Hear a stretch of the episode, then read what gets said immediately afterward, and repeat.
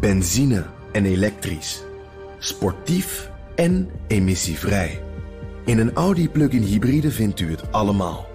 Ervaar de A6, Q5, Q7 en Q8 standaard met quattro vierwielaandrijving. Wat u ook zoekt, u vindt het in een Audi. Audi. Voorsprong door techniek.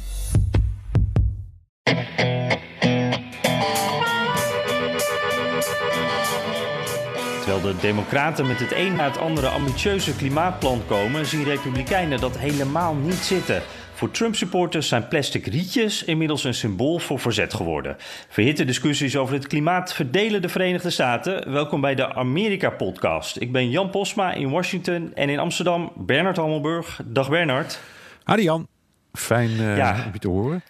Ja, daar zijn we weer. Hè? Ja. Eh, en ja, we, gaan zo het over het klimaat hebben. Maar eerst wel eventjes het weer. Eh, het, was voor mij echt eh, de week van Dorian. Eh, de tv staat nu ook aan. het is al eigenlijk een week lang zien we alleen maar kaartjes en kleuren en orkanen en overstromingen en dat soort dingen. Hoe was dat voor jou? Ja, hetzelfde. Ik heb ook erg veel gekeken en geprobeerd het bij te houden. Omdat de, de laatste jaren toch die orkanen zo sterk zijn met die kracht 5.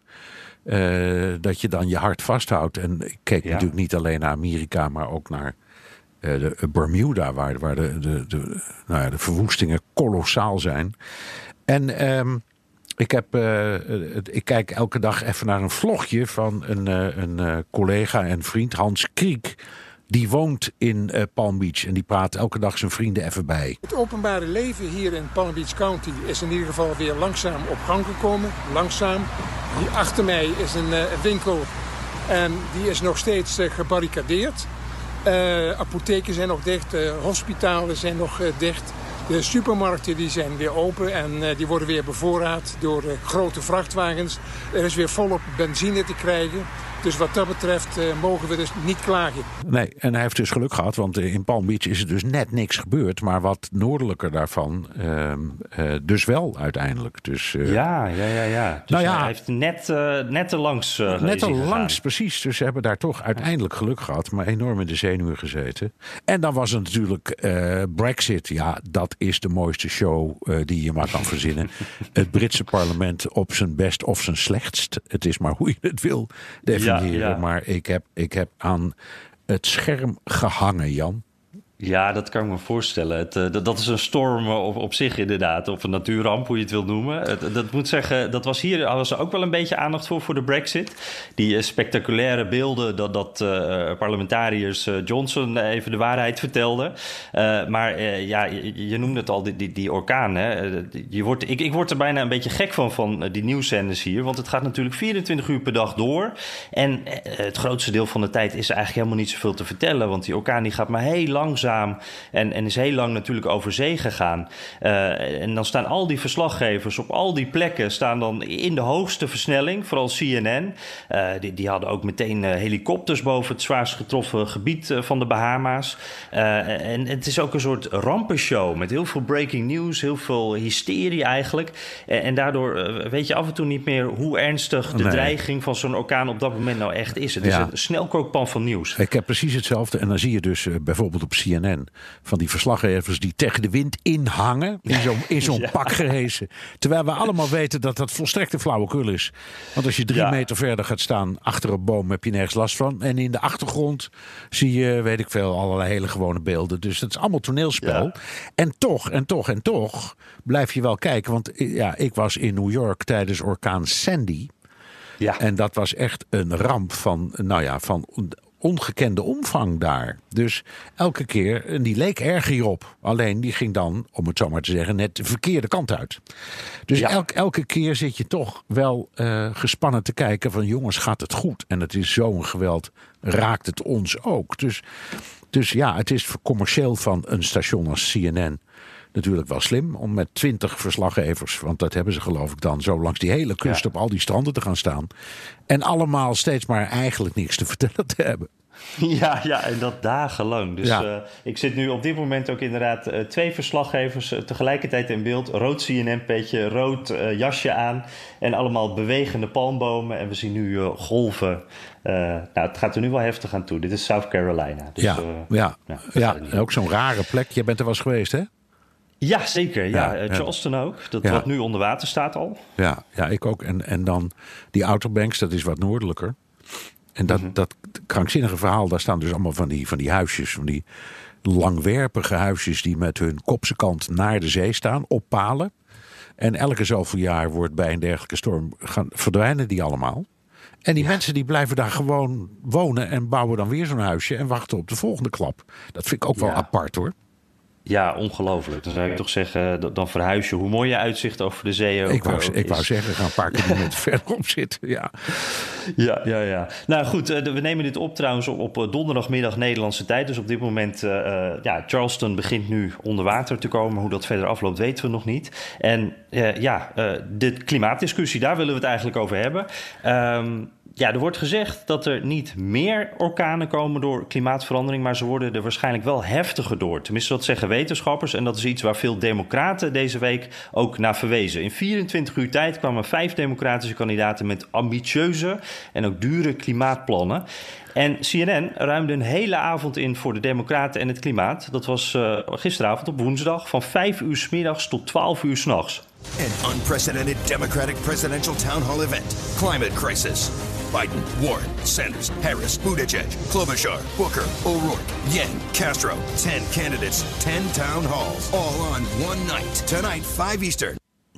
Ja, je hoort het, eh, de klimaatshow op eh, CNN. En eh, ja, die, die democratische kandidaten die maken er bijna een soort wedstrijdje van wie het, het groenste is. Maar republikeinen die zitten hier helemaal niet op te wachten, lijkt het. En Amerika, ja, dat blijft toch ook het land van de auto's, het plastic bestek. Dus wij vragen ons af, zijn ze daar wel klaar voor, voor dat groen doen? Ja, Ber- Bernard, want jij bent natuurlijk een, groot deel van het jaar in New York. Ehm, wat, wat, ik, ik denk nog altijd aan de milieu-onvriendelijke dingen die hier gebeuren. Ja. Eh, De verkwisting. Hoe, hoe zie je, wat, Ja, hoe ervaar ja. je dat in New York? Een heel verwarrend beeld, Jan. Ehm, het, ik, ik begin maar met iets waar ik eh, als eh ouderwetse Hollander gewoon gek van word, niet tegen kan, verbijsterd over ben. Dat is de buurman. Die gaat s'morgens naar zijn werk en dan laat hij alle lichten branden en de airconditioning aan. En, die- en die gaat s'morgens om half acht weg en die is niet voor half zeven s'avonds terug. Ja. Dus al die tijd wordt daar een hoeveelheid energie verbrand. Dat is niet te geloven. En CO2. eh, maar die. eh, dus dat is. Ja, en dat is tekenend hoor. Het is een verwend volk. Mensen leren Ja. niet dat als je de, de kamer uitgaat. dat je even het licht uit moet doen.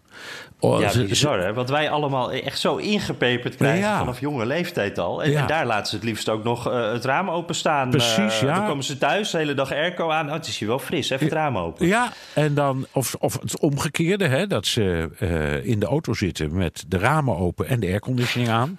Dat, dat zie je ook heel veel om je heen. Ja. Eh, en dat geeft aan de andere kant, elke bus die, hè, ik woon bij Broadway, elke bus die daar rijdt, ik rijd op de M104 meestal, is hybride. En dat is al jaren. Ehm, al die yellow cabs. Vrijwel al die yellow cabs. Ik denk inmiddels allemaal, dat zijn er nog iets van 15.000, ook allemaal hybride.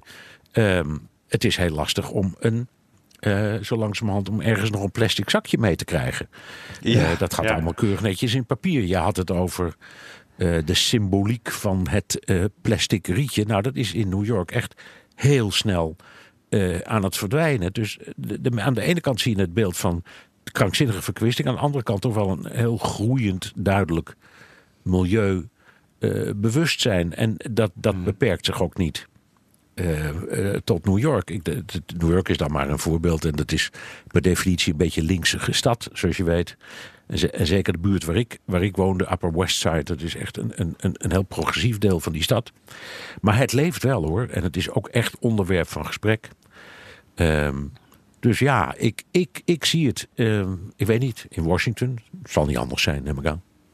Ja, nou ja, op dat punt zitten we allebei in, in hetzelfde soort uh, bubbeltjes uh, natuurlijk. Want Washington is ook zo'n zo'n progressieve stad. En, en, ja, wat jij aangeeft, het, is eigenlijk, het zijn die extremen hè, die je zo vaak in Amerika terugziet. Het is of helemaal het ene of helemaal het andere. Ze kunnen voorlopen en achterlopen tegelijk.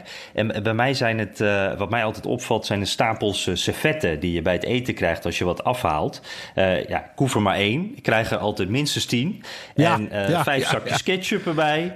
En ja, die plastic zakjes, hier hebben we ze nog. Je moet er een officieel een paar cent voor uh, betalen. Maar, maar iedereen, uh, daar, volgens mij gebeurt dat helemaal niet. En je krijgt altijd een dubbel plastic zakje. Wat ook echt compleet onnodig is. Dus allemaal overdaad en, en ik gooi het allemaal meteen weg. Ja, nee, dat is zo. Dat, Dat, ja.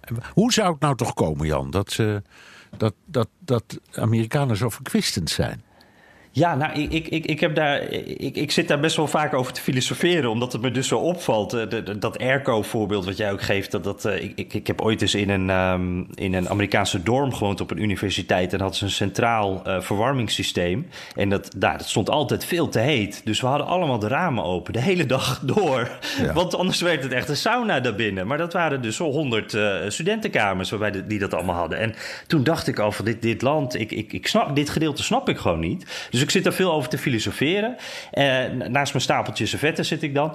En ja, ik denk, denk, denk dan als je dan naar de geschiedenis kijkt... toen, toen de, de, de, Europese kolonisten naar Amerika kwamen... toen ze het overnamen, was er natuurlijk een enorme overvloed. Als het aan de kust vol werd, nou, dan ging je gewoon naar het westen. ging je gewoon wat verder. En zo is dat hele land ontgonnen. En elke nieuwe plek waren weer nieuwe grondstoffen. Van alles is eigenlijk veel.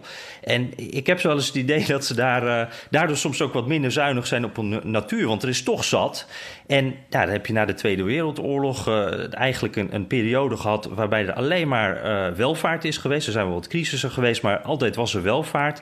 En die strijd om de consument ook, hè, dat consumeren, genot en gemak op bestelling, dat, dat hoort hier ook bij het leven. En Ja, dat, dat- dat, het er wat ook een keer op kan raken. Het, het, het woord in de psychologie hebben ze het ook altijd over instant gratification. Dus als, Ja, je, als, je iets, als je iets wil, dan moet je het ook onmiddellijk kunnen verkrijgen, hebben, aanzetten, uitzetten. Eh, Ja. Je moet niet, geen moeite hoeven doen. Het moet er onmiddellijk Nee. zijn. Ja. Dat is eigenlijk het fastfood. Je moet het meteen. Ik wil het nu. En eh, ik trek de portemonnee en dan krijg ik het ook eh, nu. Denk jij, is, is er iets wat ehm, ja, dominant hierin is? Waarom Amerikanen toch anders denken daarin dan wij? Ja, ehm, eh, ik denk dat het zo is, als jij beschrijft, het is het rijkste land ter wereld.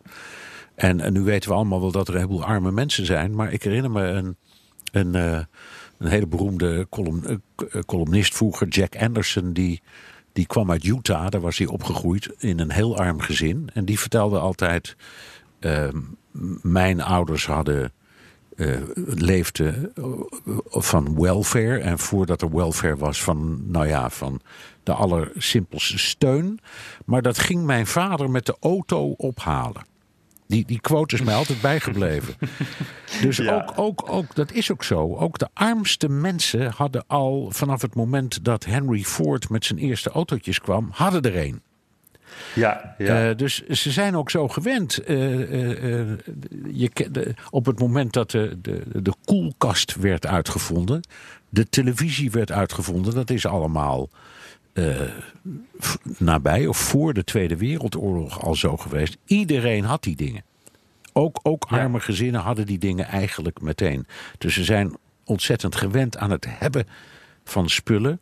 Ehm, de- de- in, de- door reclame en marketing is dat ook in- enorm gestimuleerd. En je kunt zeggen, die, die enorme welvaart hebben ze ook te danken aan die verwennerij, dat verkwisten, eh, die overvloed. Want je wilt het allemaal hebben, allemaal kopen. En je wilt het ook hebben op het moment dat je het ernaar verlangt.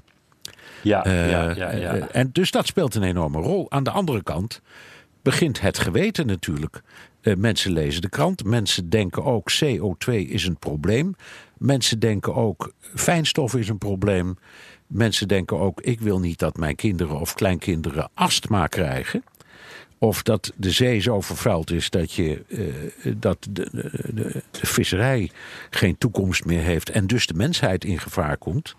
Ehm, ze, ze, ze zijn ook wel een beetje onder de indruk van die beelden over die instortende uh, gletsjers.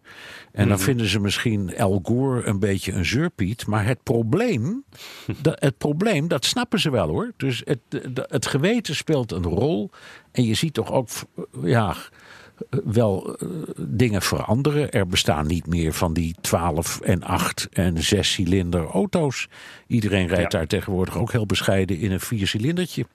Ja, en dat, jammer dat zijn, eigenlijk hè? Ja, wel jammer natuurlijk. Maar, maar het zijn magistrale dingen. En dan de andere kant, dat vind ik toch ook wel belangrijk hoor, om even bij stil te staan. Als je kijkt naar uh, de staat Montana, dat is in oppervlakte nummer 3 uh, na Californië en Texas. Dus dat is een ontzettende lap grond. En daar wonen 900.000 mensen. Dus die staat is leeg. Een soort Groenland. Ja, een soort Groenland. Ja. En uh, als je daar. Uh, daar is nou niet of nauwelijks openbaar vervoer, zoals op heel veel plekken in Amerika. De, de, de gemiddelde inwoner daar, die een gewone modale Amerikaan is, die moet s'morgens minstens twee uur in zijn auto zitten, zo niet langer, om zijn kinderen naar school te brengen en naar zijn werk te komen. En aan het einde van de dag andersom. Mm -hmm. um, dus ja, die kijken naar bijvoorbeeld het rijden in een auto heel anders dan wij. Als je daar de benzineprijs met een duppie verhoogt, in, in Montana, dan kan de helft van het volk kan geen vlees meer eten. Ik noem maar wat. Hè? Ja. Dus, ja. dus je moet het ook wel een beetje in proportie zien. Het is niet alleen maar verwennerij en wat makkelijk. Het is ook in zo'n groot en vaak leeg land bittere noodzaak. Ja, ja, het is ook prioriteit dan natuurlijk. En, en die, die economische afweging ook, dat, dat, dat vind ik ook nog interessant. Want je noemde eerder die bussen, de taxis in New York, hè, die, die gele, die yellow cabs, dat, dat zijn ook niet meer die mooie Crown Victoria's. Dat zijn nu ook allemaal Toyota's en Nissans. Ja. Uh, maar kijken ze dan echt, uh, dan kijken ze ook wel naar, naar de financiën, toch? Zeker. Um, en daar zijn ook wel weer hele interessante uh, berekeningetjes over te maken. Um, er was bijvoorbeeld in de discussie over de, de, de Yellow Cab bedrijven. Dat is een hele serie van. Uh, in het algemeen heette dat fleet owners. Dus dat zijn bedrijven die hebben een hele zwik van die Yellow Cabs. In totaal iets van een kleine 15.000. De, de, van tijd tot tijd wordt er besloten door de, de, de Taxi and Limousine Commission in New York. Uh, naar wat voor type ze overschakelen. Dus je ziet meestal heel veel van dezelfde auto's. En het laatste plan is niet helemaal gelukt, maar dat was er dan toch. Was een Nissan. En die ziet er heel klein beetje uit als een Engelse taxi. Uh, ja. ik, vind, ik vind hem onhandiger en ik, ik vind hem ook niet prettig. Maar er zit een heel bescheiden motortje in. En hij maakt ook wat meer herrie. Met van die, heeft schuifdeuren. En op een bepaald moment vroeg ik aan iemand uh, aan, uh, uit, uit die bedrijfstak. Waarom hebben jullie niet gewoon Engelse taxis gekocht? Want ja, dat, dat, dat zijn die zijn, dat zijn briljante apparaten. Ja, het, en, het, die antwoord, werken dus. het antwoord was: weet je wel hoeveel zo'n ding weegt? En weet je wel dat al die dingen rondrijden met krankzinnige ouderwetse dieselmotoren? Daar willen wij hier in New York juist vanaf. Dus Ja. ik bedoel maar, eh, dat vond ik echt een heel duidelijk voorbeeld van hoe het denken kentert. Dus het is niet meer die Crown Victoria waar jij het over hebt, waar je lekker in de kussens zakt. Ja, Eh, ja, en, eh, en, en vroeger had je zelfs speciaal ontworpen taxis. Dat waren een soort limousines. Heerlijk. En nu zit je een beetje ja, op een hard stoeltje in een, eh, in een ongezellige Nissan. Maar dat ding dat gebruikt een fractie van die oude auto's. En vervuilt dus ook een fractie van die oude auto's. ja, en op dat punt loopt New York dus voor op, op Londen eigenlijk. Zeker, zeker, zeker, zeker. Dat is geen kunst trouwens om voor te lopen op, op, op, op, op milieugebied. Uh, maar dat is zeker zo. En het geldt bijvoorbeeld ook voor uh, ja, Los Angeles. Daar heb je dat ook. Uh, de Cali Californië. Ja. fijn. Er zijn andere staten waar dat ook heel duidelijk gebeurt. Ja, ja, ja, want dan zitten we op die staat inderdaad. Want uh, we horen altijd over Trump die, die maatregelen uh, terugdraait. Hè? Die, die, eigenlijk elke milieuregel, als het maar even kan, dan zorgt hij ervoor dat, dat, het, dat die stopgezet wordt. Maar op het niveau van die staten gebeurt, nog heel veel voor het milieu. En misschien nog wel veel meer, hè? Ja, dat is een hele interessante. Omdat aan de ene kant heb je Trump die dingen zegt als weg met het Parijse akkoord en... Um, al Hij die- ging niet eens naar eh, die, klimaat... eh, ging eh, niet naar de, nee, en, van eh, de G7, ja. Ja, dat sloeg hij over. Dat vindt hij allemaal. Dat zijn klimaatterroristen. Daar wil hij allemaal niks mee te maken hebben. Hij gelooft het verhaal ook niet. En de mensen om hem heen geloven het verhaal ook niet. Daar staat tegenover dat, dat, dat hij voor een heel groot deel er helemaal niet over gaat. Ehm, we hebben dus destijds de discussie gehad over mijnen. Weet je nog wel? Tijdens de verkiezingsstrijd zei eh, Ja, Trump. die banen. Ik ga de mijnen heropenen in Kentucky en West Virginia. Nou ja, eh, hoeveel mijnwerkers eh, telt eh, Amerika, Jan? Nou, ik, eh, dat, dat zijn er eerder duizenden dan, eh, Ja, precies, dan ja. tienduizenden, Ja, denk ik. nou, of, nou ja. Wat is het? Maximaal eh, 80.000 Ja, of zo? niet, een- niet eens. Ik geloof iets van 60.000. Ja. Er, er werken in de, in de hernieuwbare energie honderdduizenden Amerikanen. En Jerry Brown, de vorige gouverneur van Californië, die dus bij de laatste verkiezingen is eh, afgetreden. Die zei toen die hele discussie in Washington speelde en de, verkiezings, de Amerikaanse presidentsverkiezingen liepen en, en, en Trump dus met zijn teksten kwam. Toen zei Brown, eh, ik trek me daar niks van aan. Ik, ga- eh, ik ga erover, niet de president. Ik ben een gouverneur van Californië. Wij zijn wat dat betreft zelfstandig. En wij, Californiërs, hebben een oliestaat. Hè? Californië heeft heel veel olie. Niettemin, zei hij, ik kies voor hernieuwbare energie. Op de snelweg van Los Angeles naar eh, Pa- Palm Springs staat het grootste windmolenpark ter wereld. Al, al heel lang. Eh, en eh, ze zijn daar op het gebied van hernieuwbare energie überhaupt enorm vooruit.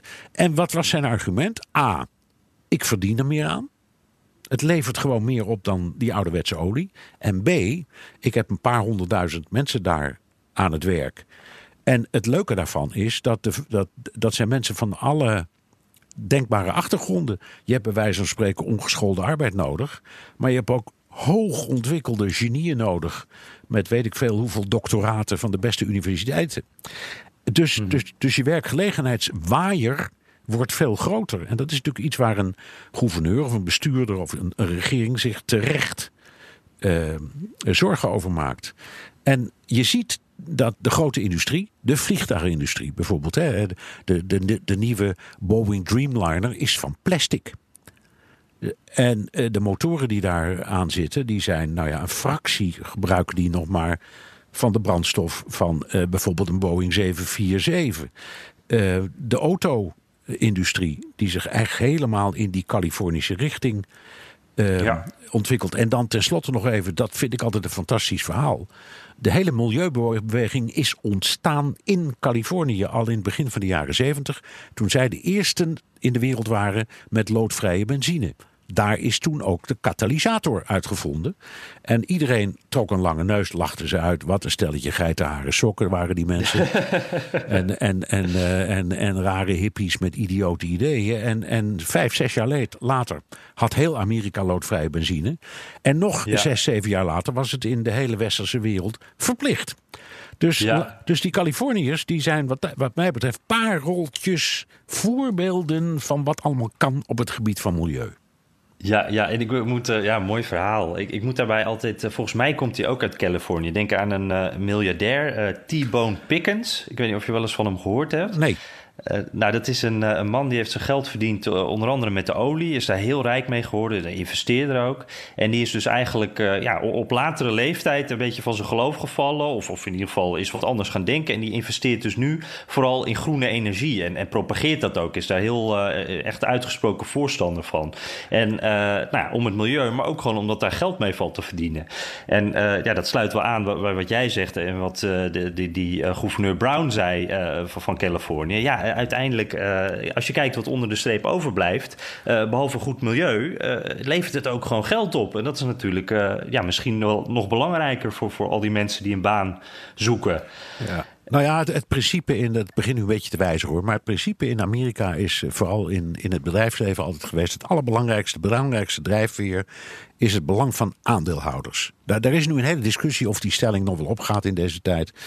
Maar als het zo is dat die aandeelhouders eh, uiteindelijk groot belang hebben, precies zoals jij zegt, ja, dan zijn dat de eersten die roepen: jongens, kunnen wij alsjeblieft vooruit met alternatieve energie, met elektrische voertuigen, met gaat uw gang maar. Waar mogen wij ons geld insteken? Want het komt er weer uit. Ja, ja, ja, ja. ja. En, en wat ik nog wel even interessant vond, want jij noemde ook de auto-industrie.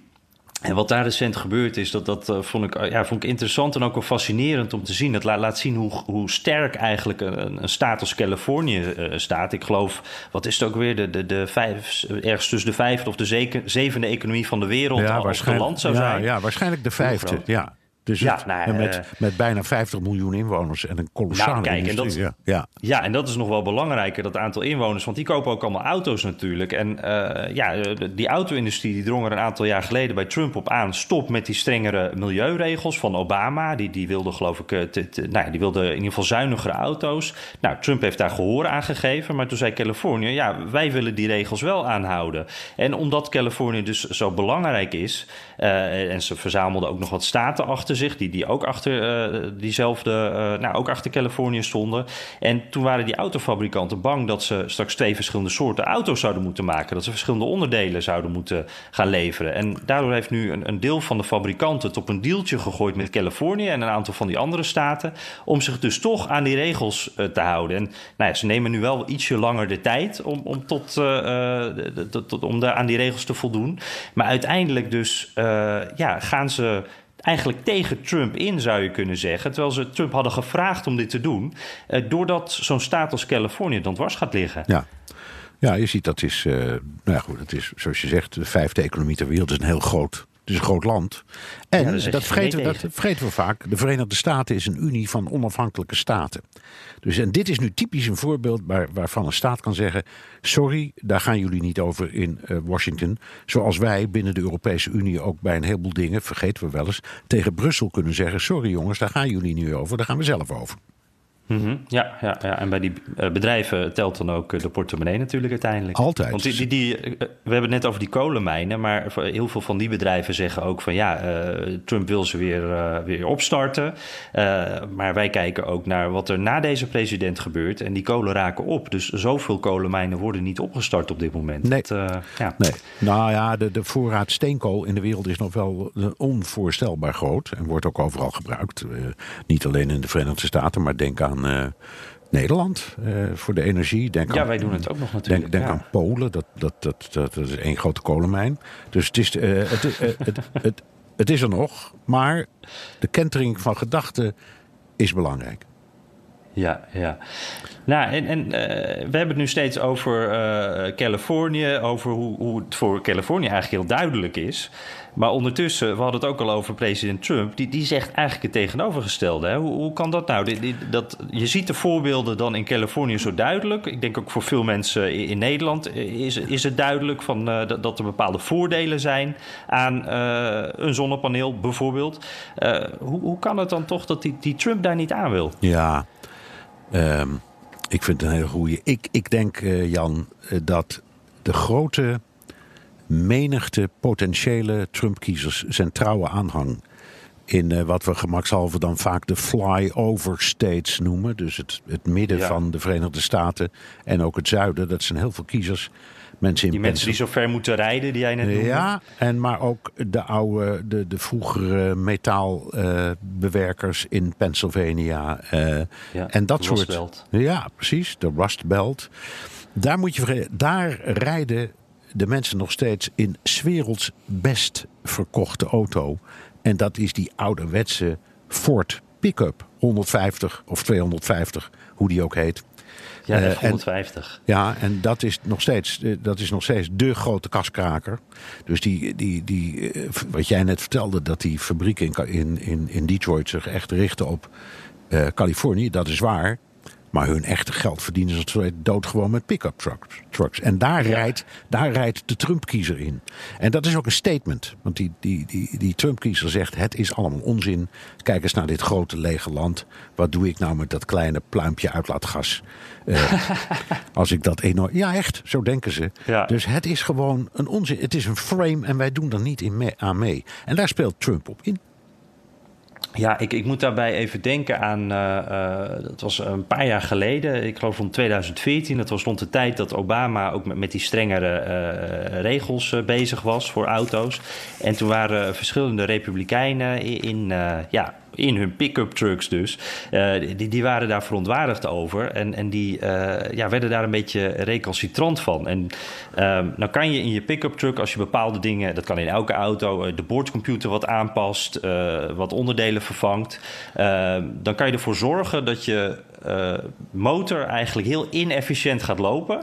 Uh, of heel veel energie gaat slurpen, heel veel benzine gaat slurpen. Maar ook heel veel uh, power geeft op dat moment. En het zorgt ook voor enorm veel rook. Er komt heel veel roet dan uit die grote uitlaatpijpen. En dat noemen ze coal running. Dus het was een beetje alsof je ja, zo'n soort kool in je auto gooit en dan komt er hele zwarte rook uit. En als ze dan langs een Tesla reden of, of een andere zuinige auto, dan, dan moest er even extra gas gegeven worden. En dan was er zo'n enorme rookpluim uh, die daar dan uitkwam. En dat was echt even democraatje pesten. Om even te laten zien, voor, voor elke elektrische auto die er is, uh, verbrand ik vier keer zoveel ja, benzine. Ja, en het is een goeie, want de, denk erom, in, in de steden, in de grote steden, daar wonen bij elkaar 30, 40 miljoen mensen. Uh, in Amerika. Maar in het Middenwesten en in het zuiden, daar wonen 190 miljoen mensen.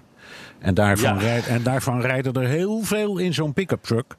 En er zijn er heel veel met zo'n uitlaat die niet naar achteren gaat, maar naar het dak. Dat zie je vaak zo achter de cabine rechtop, zodat je goed die smerige rook kunt zien.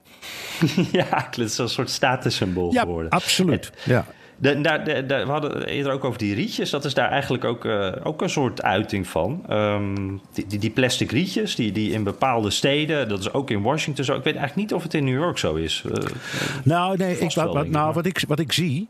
Um, want ik, ik, ook met, we hebben ons gezin daar, dus ja, ook kleine kinderen en zo. En die, die valt dat dan op. Want wat valt ze nou op? Zo'n plastic rietje. Daar zit, zo, er zit vaak van die, van, die, van die ribbeltjes in. En op dat gebied kun je hem ombuigen.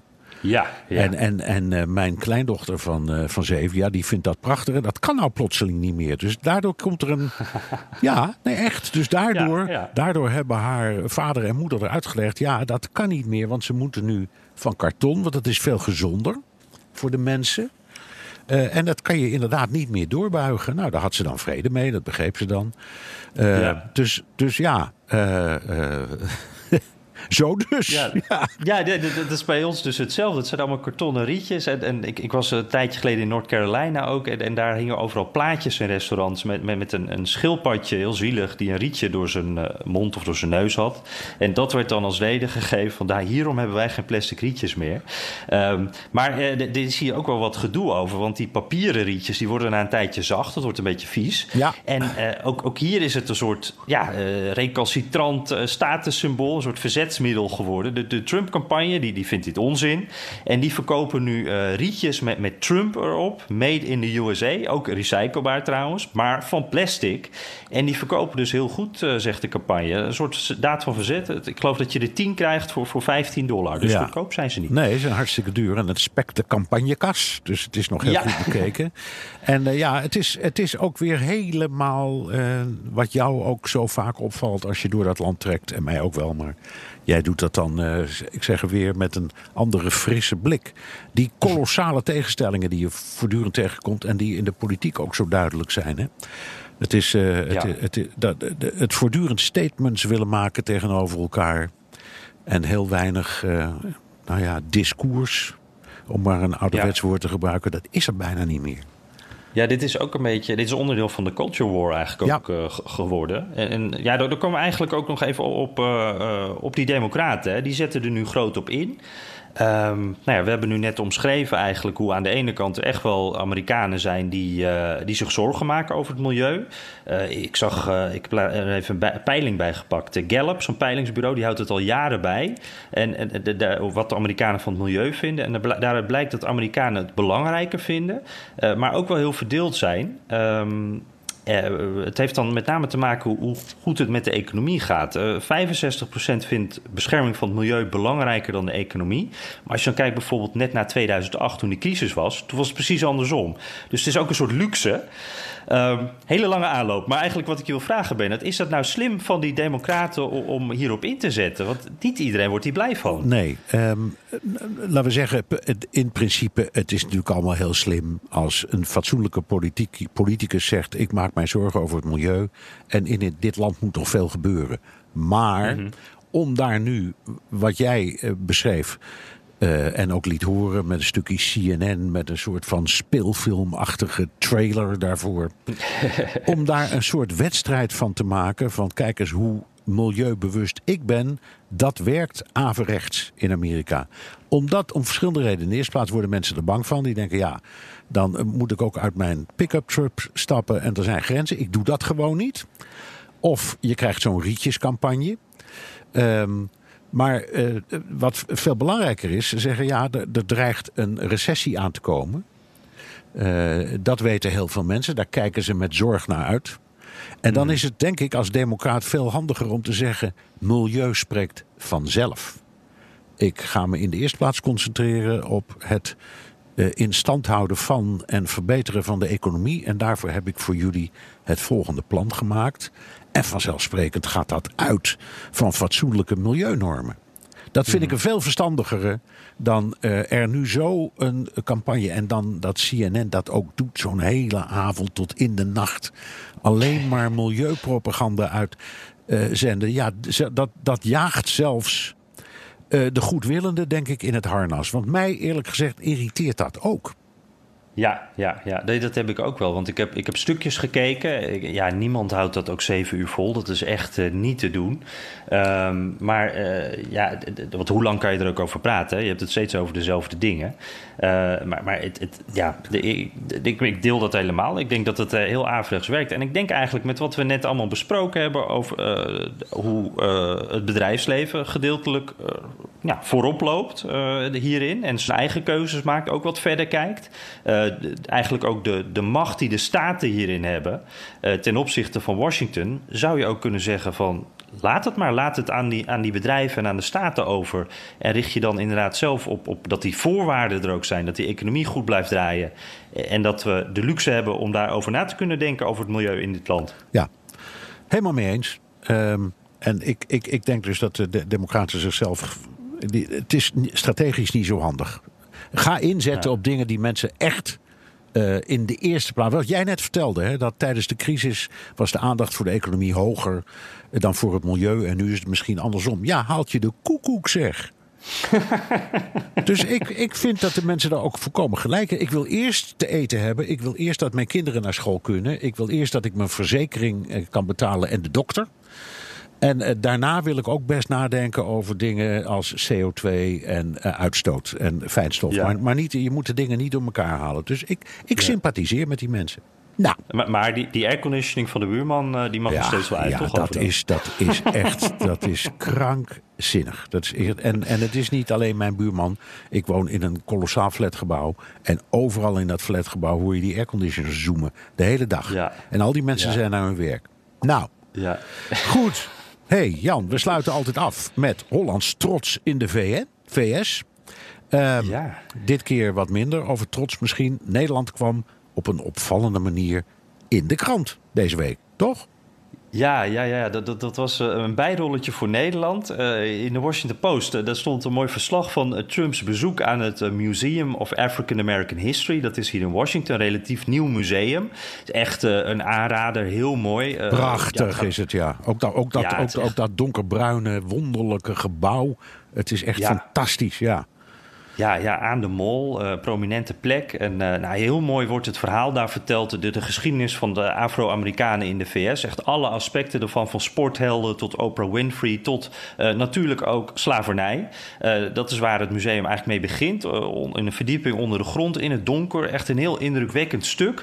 En ja, de directeur van het museum, die, die, de die Trump daar een rondleiding gaf...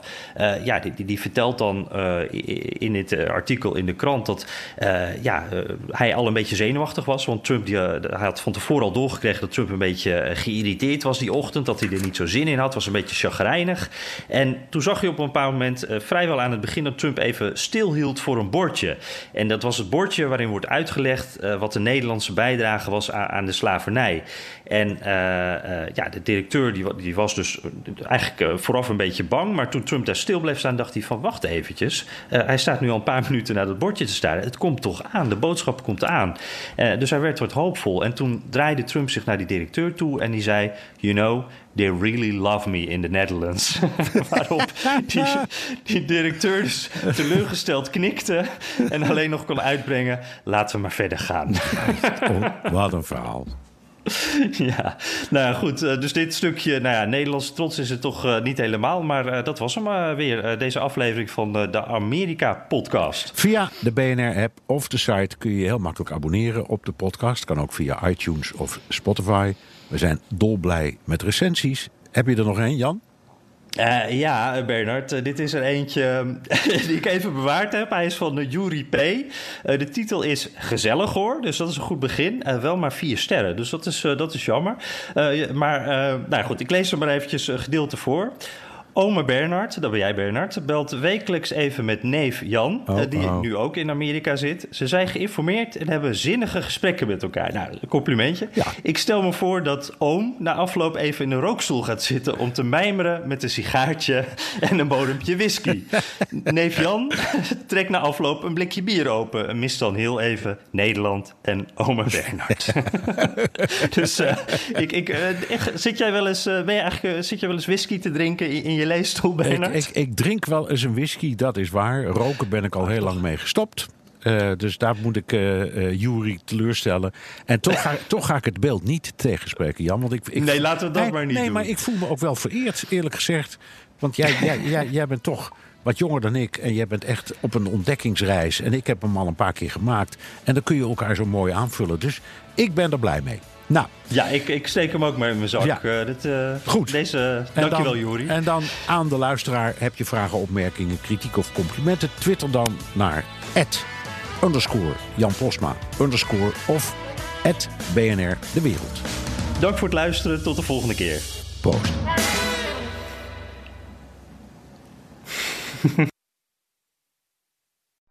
Benzine en elektrisch. Sportief en emissievrij. In een Audi plug-in hybride vindt u het allemaal. Ervaar de A6, Q5, Q7 en Q8 standaard met quattro vierwielaandrijving. Wat u ook zoekt, u vindt het in een Audi. Audi. Voorsprong door techniek.